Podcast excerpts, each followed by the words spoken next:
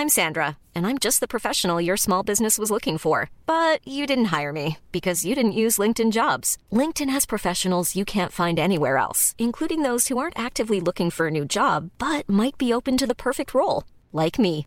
In a given month, over 70% of LinkedIn users don't visit other leading job sites. So if you're not looking on LinkedIn, you'll miss out on great candidates like Sandra. Start hiring professionals like a professional. Post your free job on linkedin.com/people today. Millions of people have lost weight with personalized plans from Noom, like Evan, who can't stand salads and still lost 50 pounds. Salads, generally, for most people, are the easy button, right? For me, that wasn't an option. I never really was a salad guy. That's just not who I am. But Noom worked for me. Get your personalized plan today at Noom.com. Real Noom user compensated to provide their story. In four weeks, the typical Noom user can expect to lose one to two pounds per week. Individual results may vary. Life is full of what ifs. Some awesome, like what if AI could fold your laundry? And some, well, less awesome, like what if you have unexpected medical costs? United Healthcare can help get you covered with Health Protector Guard fixed indemnity insurance plans. They supplement your primary plan to help you manage out of pocket costs. No deductibles, no enrollment periods, and especially no more what ifs. Visit uh1.com to find the Health Protector Guard plan for you. Gjenklang.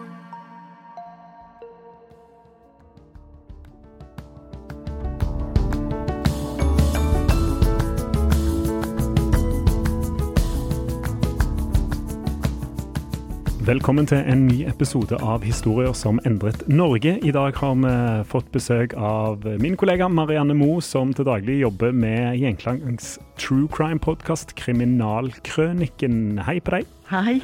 Dette er jo en podkast som du jobber med som er- bygger på bokverket skrevet av politifolk sjøl, hvor vi får kriminalsaker servert gjennom beskrivelsene til de som sto midt oppi de ulike etterforskningene. Ja, det, det stemmer. Og det er jo utrolig interessant, for disse historiene de gir jo et helt unikt eh, bilde av kan du si, politiets hverdag da, gjennom flere tiår. Utfordringene, arbeidsmetodene deres i det hele tatt. Alt eh, det de gjør for å løse de sakene de står oppi og for å få gjerningsmennene dømt. Men jeg må jo si at det er veldig hyggelig å få lov å komme hit også, da, til Historier som endret Norge. Ja, det er, godt, det er godt å høre. for Grunnen til at jeg har invitert deg her i dag, er fordi det skal handle om politiet i dag, eller nærmere bestemt en helt spesiell dame, Elise Mathilde Henriksen. Norges første kvinnelige politi. Og jeg er så glad for at eh, jeg får muligheten til å snakke om akkurat hun. For altså, det var litt av eh, en dame. Frøken Henriksen, som eh, hun ble kalt. Eller da bare Mathilde, som de fleste sa. Det var rett og slett en dame med skikkelig bein i nesen. Det var altså i juli, da er vi i juli 1910, at Kristiansand for første gang i Norge ansatte en kvinnelig politibetjent. Hvordan kom det i stand? Hva var bakgrunnen for at man i det hele tatt opprettet en sånn stilling på den tiden? Altså, utrolig nok så eh, kan vi takke kvinnelige misjonsarbeidere for det. Ah, ja. Eh, For det de gjorde, de tok initiativet til å, å få kvinner inn i politiet, og mm, sammenkalte til et massemøte i byens bedehus eh, i mars eh, 1909, tror jeg det var. Eh, Og da skulle jo dette temaet drøftes. Og så viste det seg at det var en enorm interesse for det. Så det var jo 1000 mennesker som møtte opp da til eh, dette møtet som ble ledet av eh, biskop Kjeldrup. Og i dette møtet da så gikk de inn for å få ansatt minst to politikvinner. Og det sendte de brev om til eh, magistraten og formannskapet om. Men magistraten mente på sin side at eh, det fikk nå holde med én stilling. Så derfor så ble representantskapet bedt om å bevilge 800 kroner til én sånn stilling. Ok, Så det var altså enighet om at det var på høy tid å få kvinner inn i politiet? Nei, eh, egentlig på ingen måte. Altså, ta politimesteren, for eksempel. Han var langt ifra begeistret for eh, det forslaget der, og det ga han klart eh, uttrykk for. Han mente nemlig at eh, selv om det kunne være behov for en slik stilling, for han innrømmet jo det, da, så mente han at bystyret egentlig burde prioritere annerledes og bruke disse pengene her til andre tiltak hos eh, politiet. Men eh, i mars 1910 så vedtok jo da bystyret i Kristiansand likevel mot eh, politimesterens innstilling å bevilge ikke 800 kroner som magistraten hadde foreslått, men 1000 kroner Ja. til en kvinnelig eh, politifunksjonær. Og i april så utarbeidet politikammeret instruks da for denne stillingen. Ok, Men hva var arbeidsoppgavene for, i, denne stillingen? Altså Først og fremst så eh, ble hun ansatt for å være til stede ved bryggene om kvelden. da, for Når rutebåtene kom inn, da, så måtte hun Ja. unngå at eh, her skjedde det usedelige ting. Ja, ikke sant? Da var det viktig å ha politi på plass. Og så skulle hun jo da eh, kontrollere drikkebuler, hun skulle avhøre kvinner og barn i rettssaker. Og selvfølgelig stå for visitering av kvinnelige arrestanter, og kanskje også hjelpe kvinnene når de ble løslatt fra fengselet. Så egentlig så skulle hun på en spesiell måte da ha ansvar for byens barn og kvinner, og sørge for at de, som det het den gangen, fikk eh, tilstrekkelig beskyttelse og veiledning når de trengte det. Uh, Men det var jo en del ting som eh, det ble lagt eh, spesielt vekt på. da, så Når hun var på jobb, så skulle hun f.eks. alltid ha på seg tjenestedrakt eller de eh, distinksjonene som politimesteren hadde foreskrevet. Men dette var altså den stillingen som eh, Mathilde den 1. juli 1910 ble ansatt for å fylle. Og så gikk det vel en stund, hun startet jo ikke i jobben før 15. september samme år. Men da ble hun også rikskjendis, for eh, dette var noe som alle avisene grep fatt om og, og skrev om, og selvfølgelig også lokalavisene, selvfølgelig. Men det at Norge hadde fått sin første kvinnelige politi, det fikk mye oppmerksomhet. Ja, og Da tipper jeg at det var en del spørsmål som jeg òg sitter med nå. Hvem var hun, da?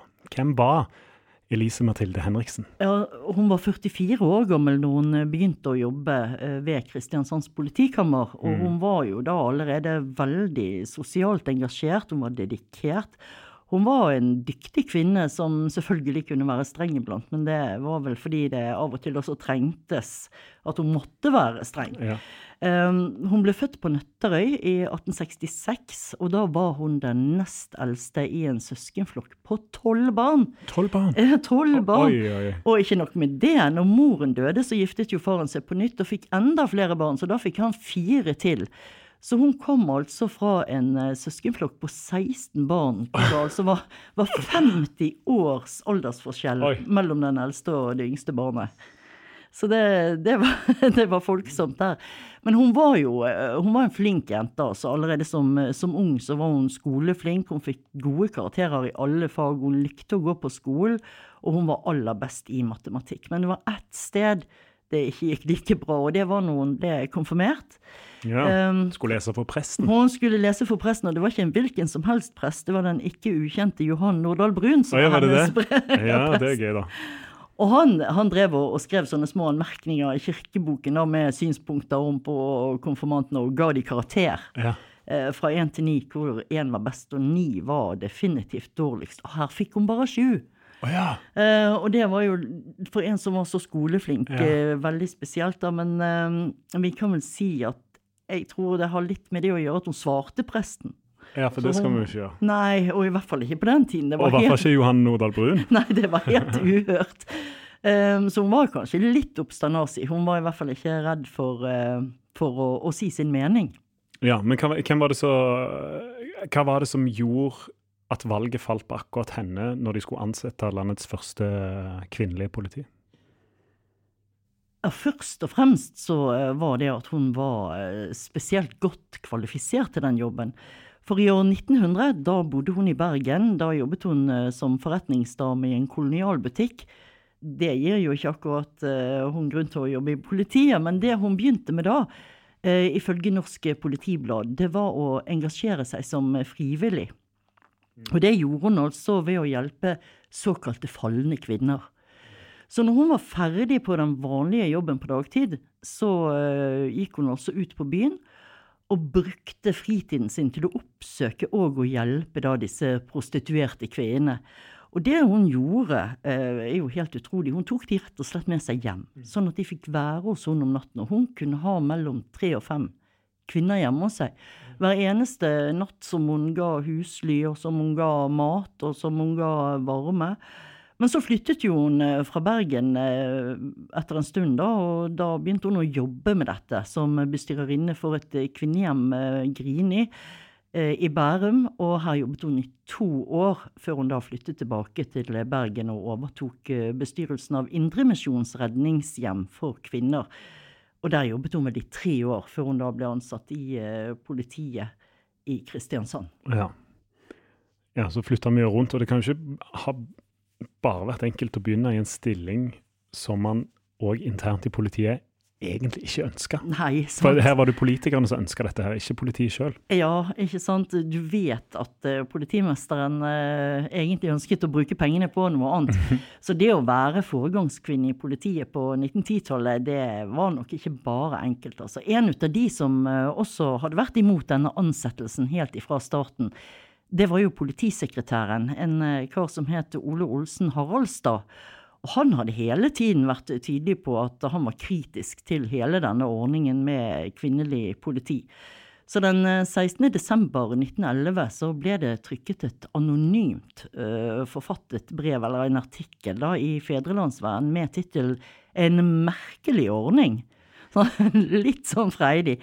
Og den handlet om at eh, politiet i samarbeid med Vergerådet hadde skaffet en omstreifa familiehus i Kristiansand, men denne familien hadde da ifølge artikkel allerede et hus i Kragerø, og derfor så mente forfatteren at eh, da burde jo heller familien ha blitt sendt dit. Og så kom det jo da tydelig fram i denne artikkel at det var Mathilde som hadde hatt med den saken å gjøre. Så det hun gjorde, det var jo da også vise artikkel til politimesteren, og så sa hun at hun mistenkte at det kunne være denne politisekretær Haraldstad som hadde vært så tydelig på at han ikke ønsket hun inn på kammeret. Eh, eller kanskje en av de som jobbet eh, hos han, da, som mm. kunne ha skrevet den. Så dette tok jo politimesteren opp med Haraldstad, eh, og da ble det jo rabalder. Det, mm. Han lovet jo å hevne seg på Mathilde, og det hjalp jo ingenting hun ba jo om unnskyldning hvis det var sånn at hun hadde tatt feil av forfatteren, da. Men eh, fikk jo ikke noe gehør eh, for det. Nei, og da ble det vel ikke enklere. Det ble vel bråk av dette? Da ble det mer bråk. Eh, så langt så hadde jo kritikken mot hun handlet mest om selve stillingen. Altså, og den jobben hun gjorde, da, sånn som i det, det tilfellet der. Men etter hvert så ble jo dette bare styggere og styggere. Og det ble jo mye mer personlig også. Ja. Hvordan da? Nei, altså når hun ble ansatt, så var hun ugift. Men det veldig få visste, det var jo at hun også var mor. Og i 1898 så hadde hun da født en sønn i nettopp eh, Kristiansand. Og så fikk hun også en sønn eh, i år 1900 når hun jobbet i Bergen. Men eh, han var det jo enda færre som eh, visste om. Men begge disse guttene måtte da settes bort til oppfostring, som det het. Altså hun ah. betalte en annen familie for å sørge for mat og klær og, ja. og, og, oppdragelse, ikke sant, mens hun selv da var ute og jobbet for uh, sitt daglige brød. Og han Haraldstad han hadde jo da fått nyss om den gutten som uh, bodde i byen. Mm. Og i slutten av februar 1912 så fortalte han uh, dette her til Mathilde, og rådet hun da til rett og slett å flytte fra byen. Så han sa søk deg jobb i, i, Bergen eller Drammen, og han gjorde det klart for henne at han planla å ta det opp eh, hele dette med hennes politistilling i bystyret, for han satt i bystyret. Og han ville da gå inn for bevilgningsstopp. Ja.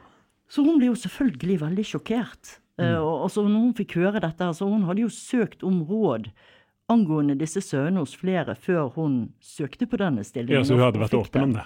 Hun hadde vært, hun hadde ikke kanskje vært åpen om det, men hun hadde i hvert fall søkt om råd og hadde ikke blitt frarådet å ikke takke ja til denne stillingen.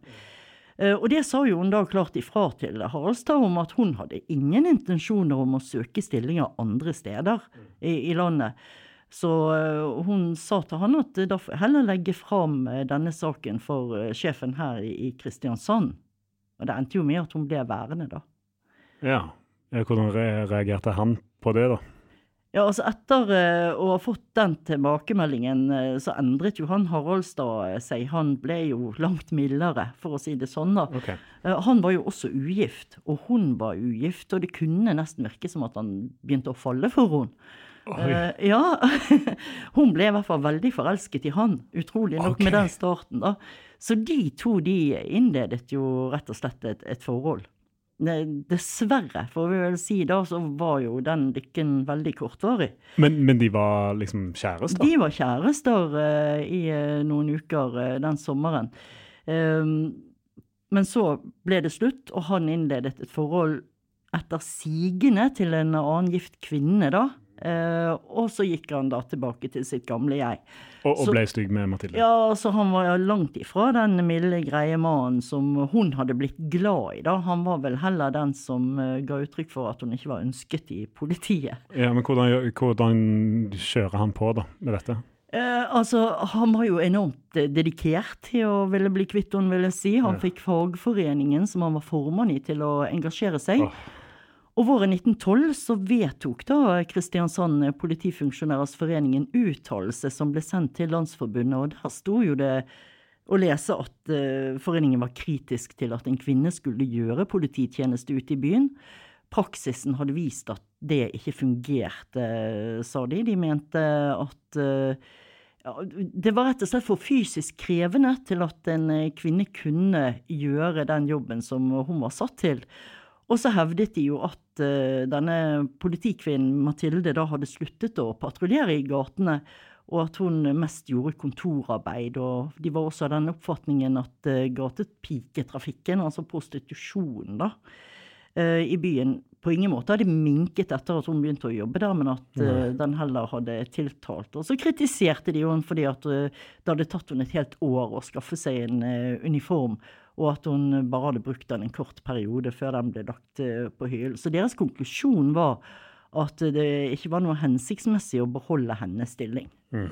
Det er ganske, ganske tøff eh, tilbakemelding. Ja, og så er det jo ja, at hun får kritikk for ikke å ha uniform, er jo litt sånn eh, eh, ja, rart med dagens øyne. Men eh, tross denne kritikken, da, så blir hun værende i stillingen. Ja, altså hun, eh, hun ble Hun stilte på jobb, hun utførte arbeidet sitt. Men så tok det jo dessverre ikke lang tid før hun opplevde nye ubehageligheter, når de så at uh, dette ikke var nok da, til at hun gikk. Ja, Hva skjedde da? Altså... Det var en stygg sak. Altså, det var kjempestygt. I uh, oktober 1912 så uh, ble det sendt ut et slibrig notat som et rundskriv. Og det gikk da rundt til flere av byens embetsmenn. Altså et skriv som går til de liksom, mektige folk? Ja, ja. ikke sant. Uh, og her rettet de jo veldig mange grove beskyldninger mot Mathilde. Den, det var også skrevet anonymt. Skikkelig feigt, da. Og der, der, står det blant annet å lese, jeg har det her, skandale. Hvem er byens frekkeste kvinne? Den kvinnelige politibetjent frøken Henriksen. Hun har mannfolk inne hos seg om nettene, og hun holder seg til og med med gifte menn. Den kvinnelige politibetjent er en tøs. Hun har en lausunge som ble oppfostret på Lund, en nydelig sedelighetens vokter. Så dette var jo det hun måtte stå i, da. Det ble jo selvfølgelig viktig for Mathilde eh, når hun fikk eh, nyss om dette rundskrivet her, og at det var, var sendt til de mektige mennene som, som, styrte byen, ikke sant, å finne ut hvem er det som står bak dette, og vurdere er det noe grunnlag for at jeg kan anmelde vedkommende. Men eh, det stoppet jo ikke her heller, for det kom et nytt angrep i Fedrelandsvennen og Sørlandets eh, Sosialdemokrat 6.2.1913. Avisene. Ja, og da sto det altså under overskriften 'Har Kristiansand kvinnelig politi?' Eh, en lang kritikk hvor eh, dette ble tatt opp med at hun patruljerte i gatene eh, tidligere, men hun hadde sluttet med det. Det mm. gjorde hun altså ikke mer. Hun jobbet mest på kontoret, og så trodde de frem igjen det at hun ikke brukte uniformen. Og også her var kritikken anonym. Var det det, ja? ja. Og bare dager etter det så kom det jammen et brev til politimesteren, men det var signert! Og du kan jo gjette hvem det var som hadde signert det. Haraldstad. Um, ja. Everyone knows therapy is great for solving problems, but getting therapy has its own problems too, like finding the right therapist, fitting into their schedule, and of course, the cost. Well, BetterHelp can solve those problems. It's totally online and built around your schedule. It's surprisingly affordable too. Connect with a credentialed therapist by phone, video, or online chat all from the comfort of your home. Visit betterhelp.com to learn more and save 10% on your first month. That's BetterHelp, H E L P. One size fits all seemed like a good idea for clothes Nice dress. Uh, it's a it's a t-shirt. until you tried it on. Same goes for your healthcare. That's why United Healthcare offers a variety of flexible, budget friendly coverage for medical, vision, dental, and more. So, whether you're between jobs, coming off a parent's plan, or even missed open enrollment, you can find the plan that fits you best. Find out more about United Healthcare coverage at uh1.com. That's uh1.com. Millions of people have lost weight with personalized plans from Noom, like Evan, who can't stand salads and still lost 50 pounds. Salads, generally, for most people, are the easy button, right? For me, that wasn't an option. I never really was a salad guy. That's just not who I am. But Noom worked for me. Get your personalized plan today at Noom.com. Real Noom user compensated to provide their story. In four weeks, the typical Noom user can expect to lose one to two pounds per week. Individual results may vary. Han var avsenderen, og eh, kom jo da med graverende beskyldninger mot Mathilde. Han eh, trekker fram det at hun har barn uten å være gift, og han beskylder hun også for å ha et forhold til en gift mann. Han beskriver at hun har hatt sex med menn hjemme hos seg selv flere ganger i 1912, og så varsler han at eh, dette her er noe han kommer til å ta opp i bystyret samme måned, så han truer jo igjen med det, da. Men nå hadde jo hun fått bekreftet hvem det var som sto bak, i hvert fall det brevet, da, og ordlyden var jo ikke så ulik De eh, samme argumentene og ja. Mm. det andre. Så det hun gjorde var å, å rett og slett anmelde mannen. Den eh, 17. februar så eh, anmeldte hun eh, Haraldstad for ærekrenkelser. Og så informerte hun samtidig da politimesteren om det korte kjæresteforholdet som eh, de Ja. to hadde hatt. Um, og så spurte hun pent om ikke politimesteren kunne snakke med Haraldstad, sånn at vi unngikk det å få dette her opp i bystyret, liksom. sant? Altså, det var jo skikkelig guffent for henne. Men det var jo ikke slutt med dette heller. For den eh, 21. februar så sto det igjen da i avisen eh, Sørlandets eh, Sosialdemokrat, og også flere andre av landets aviser, om den kvinnelige politi graverende beskyldninger. Og da gikk det på dette med uniformsplikten, som hun da hadde fått eh, uniformsgodtgjørelse for å bruke, men som hun da ikke brukte. Og ja, i det hele tatt eh, mye drit, på godt norsk. Um, og så sto også det som var det verste, da, det var jo det at her sto også eh, det om denne skriftlige redegjørelsen som en mann, altså Haraldstad, uten at det kom fram i artikkelen, hadde levert til politimesteren. Så man kunne altså lese at uh, politikvinnens sedelighet hadde blitt satt under tvil, og at den eh, skriftlige redegjørelsen eh, hadde inneholdt sterke uttrykk som faktisk ikke egnet seg på trykk. Så nå var altså Mathilde akkurat sånn som hun hadde fryktet blitt svertet, og ikke bare lokalt, men eh, rundt omkring i hele landet. Ja. Hvordan skal du forsvare deg mot dette? her? Altså, men hvordan eh, hennes sjef, da, politimesteren, hvordan reagerte han? Han syntes det var eh, grusomt. Han Ja. syntes det var skikkelig Ja. uheldig. Uh, og spesielt det at uttalelsen fra uh, politifunksjonærene hadde havnet i avisen. Så han hadde jo liten sans for at de omtalte en kvinnelig kollega på en sånn måte og med en sånn ordbruk som det de gjorde. Så han forsvarte rett og slett eh, Mathilde. Og han skrev også en kommentar.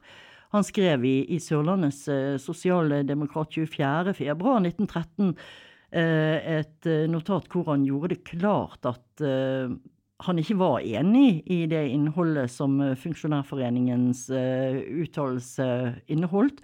Og han skrev eksempel at eh, hun hadde hans fulle tillatelse til å, å arbeide i sivile klær.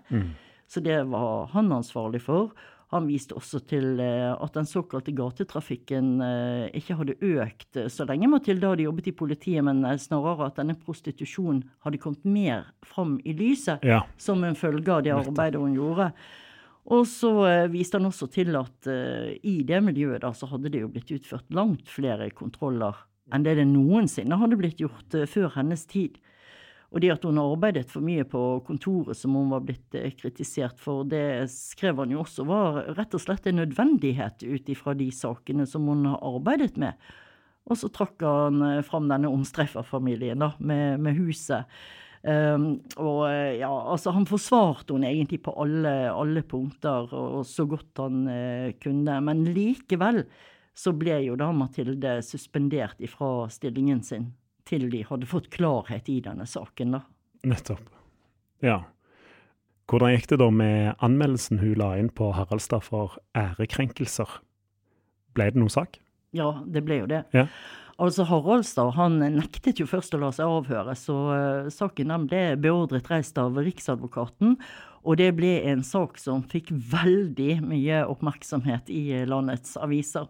Redaktøren for uh, Sørlandet tok ansvaret for den artikkelen uh, 21.2.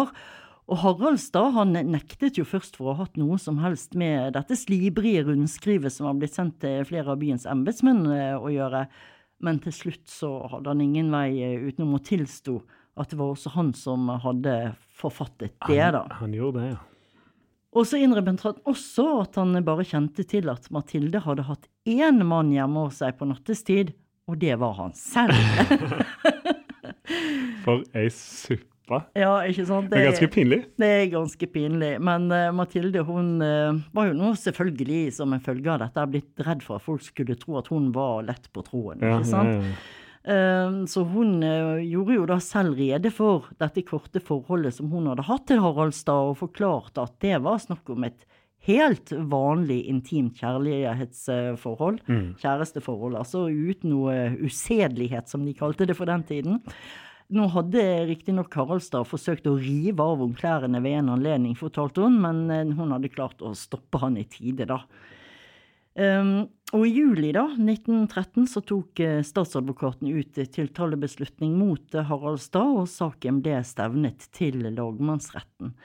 Og midt på natten 20. september 1913 så sto det da samlet en haug med mennesker utenfor rettslokalet i Kristiansand for da ventet eh, folk på kjennelsen som juryen i Agder og Borgarting lagmannsrett skulle avgi i straffesaken mot Mathildes politikollega.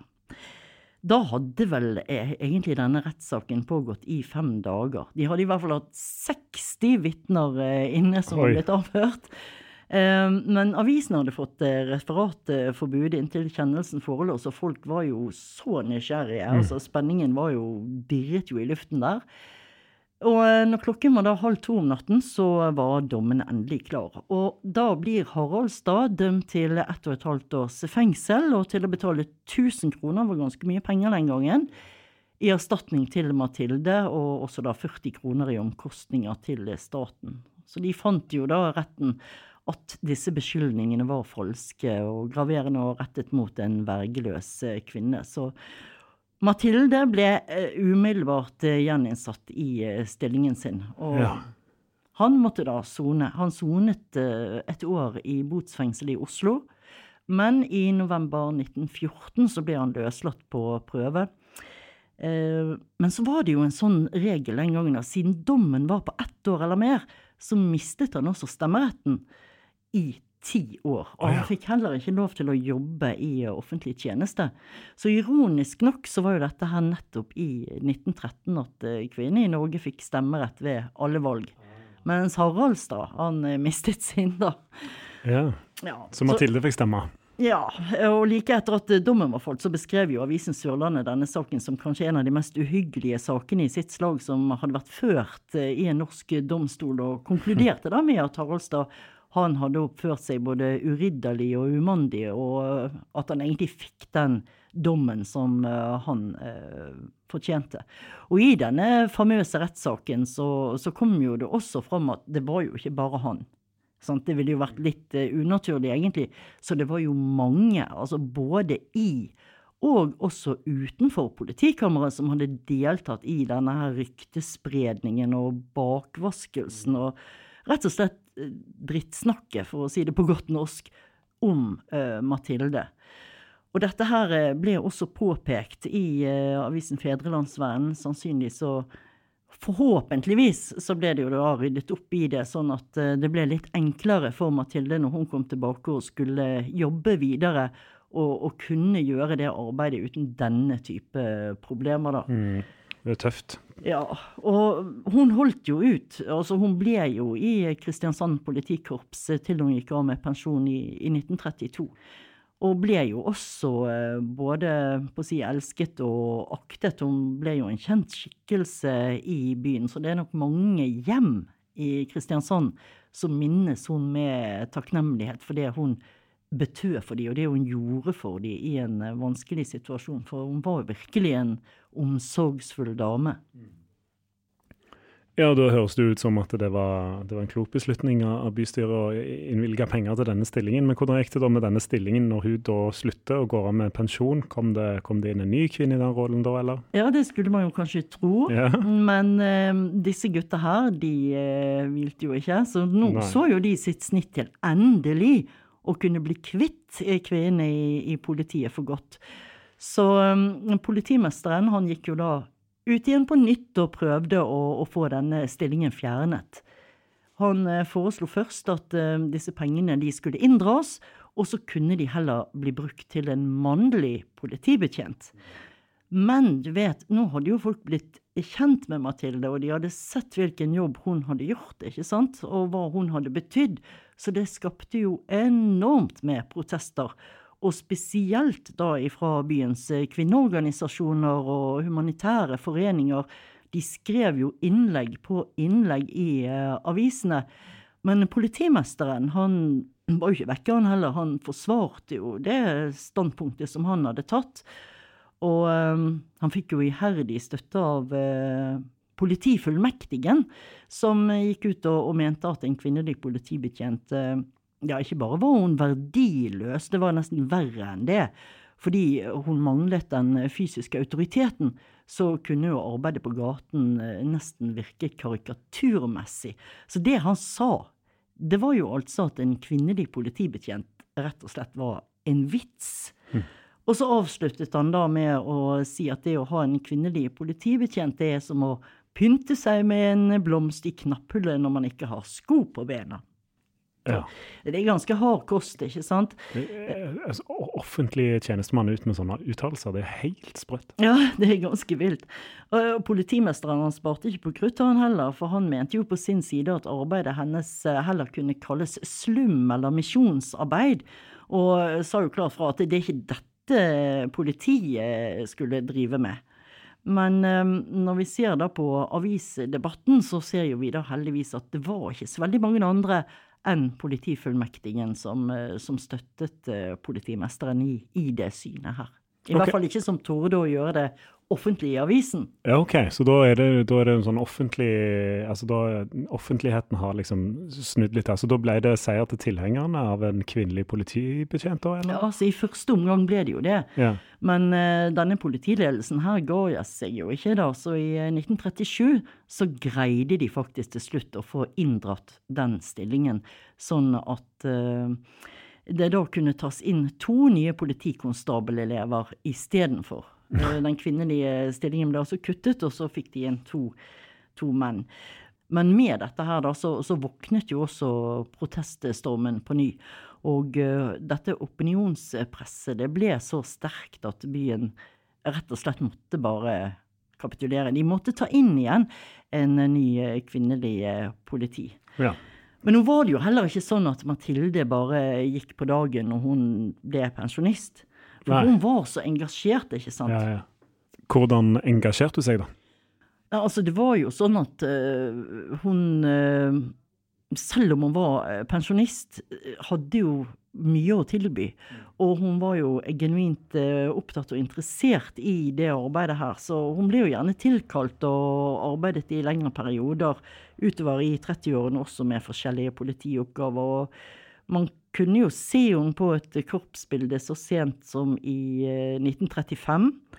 Og så engasjerte hun seg også på andre måter. Vi har f.eks. en ganske spesiell sak fra 1936, da en ung jente sto for retten i Kristiansand anklaget for å ha drept faren sin eh, året før hjemme i Bykle i Setesdal. Hun hadde slått han i hjel med et stort vedtre, og under rettssaken der så ble det altså tegnet et så rystende bilde av eh, barndommen hennes at man kan si det sånn at retten ikke lenger så på hun som en forbryter, men mer som et offer, mm. som til slutt bare rett og slett handlet i desperasjon. Og Derfor så ble hun også frikjent, og hun slapp ut under ovasjoner fra befolkningens mm. side, for de hadde jo virkelig fått uh, medfølelse med henne, da. Og så viser det seg at på et bilde fra den rettssaken der, så ser vi nettopp Mathilde sitte ved siden av denne unge jenten og hennes uh, advokat.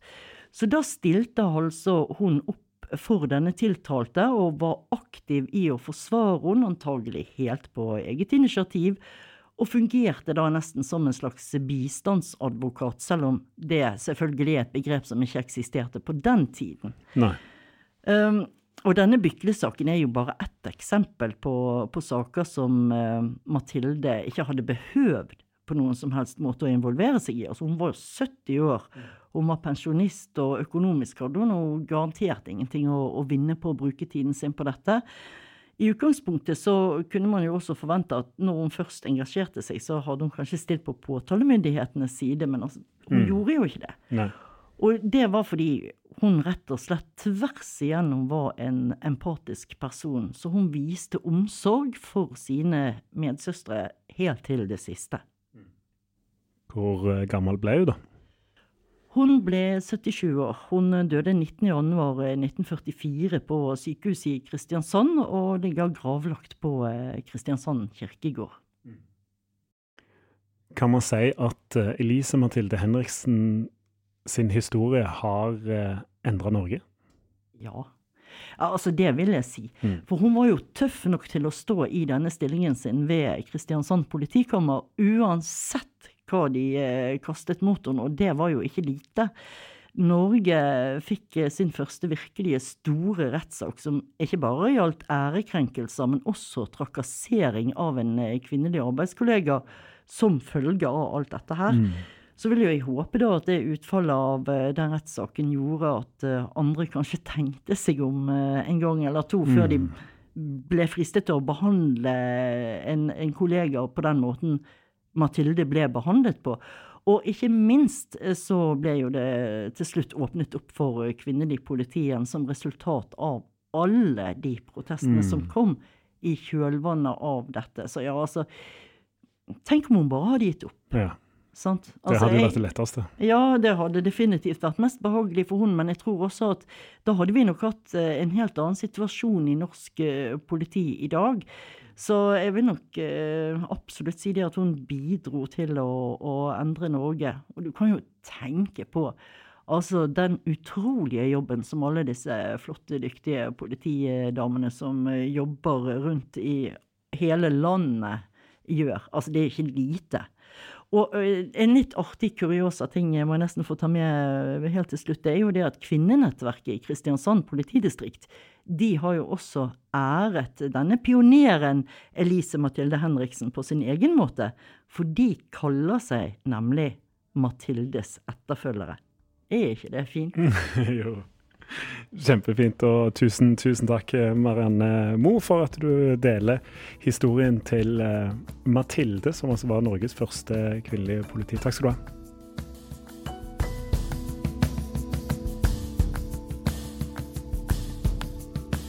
Liker du historier som endret Norge, så vil du òg like historier som endret verden. Hver torsdag så kommer vår kollega da, Christian Konglund ut med ny episode òg nå på torsdag.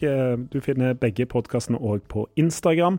Der heter vi 'Historier som endret Norge'. Der kan du komme i kontakt med meg hvis du har eh, temaforslag eller ønskegjester. Ta og Skriv til meg på Instagram 'Historier som endret Norge'. Gjenklang.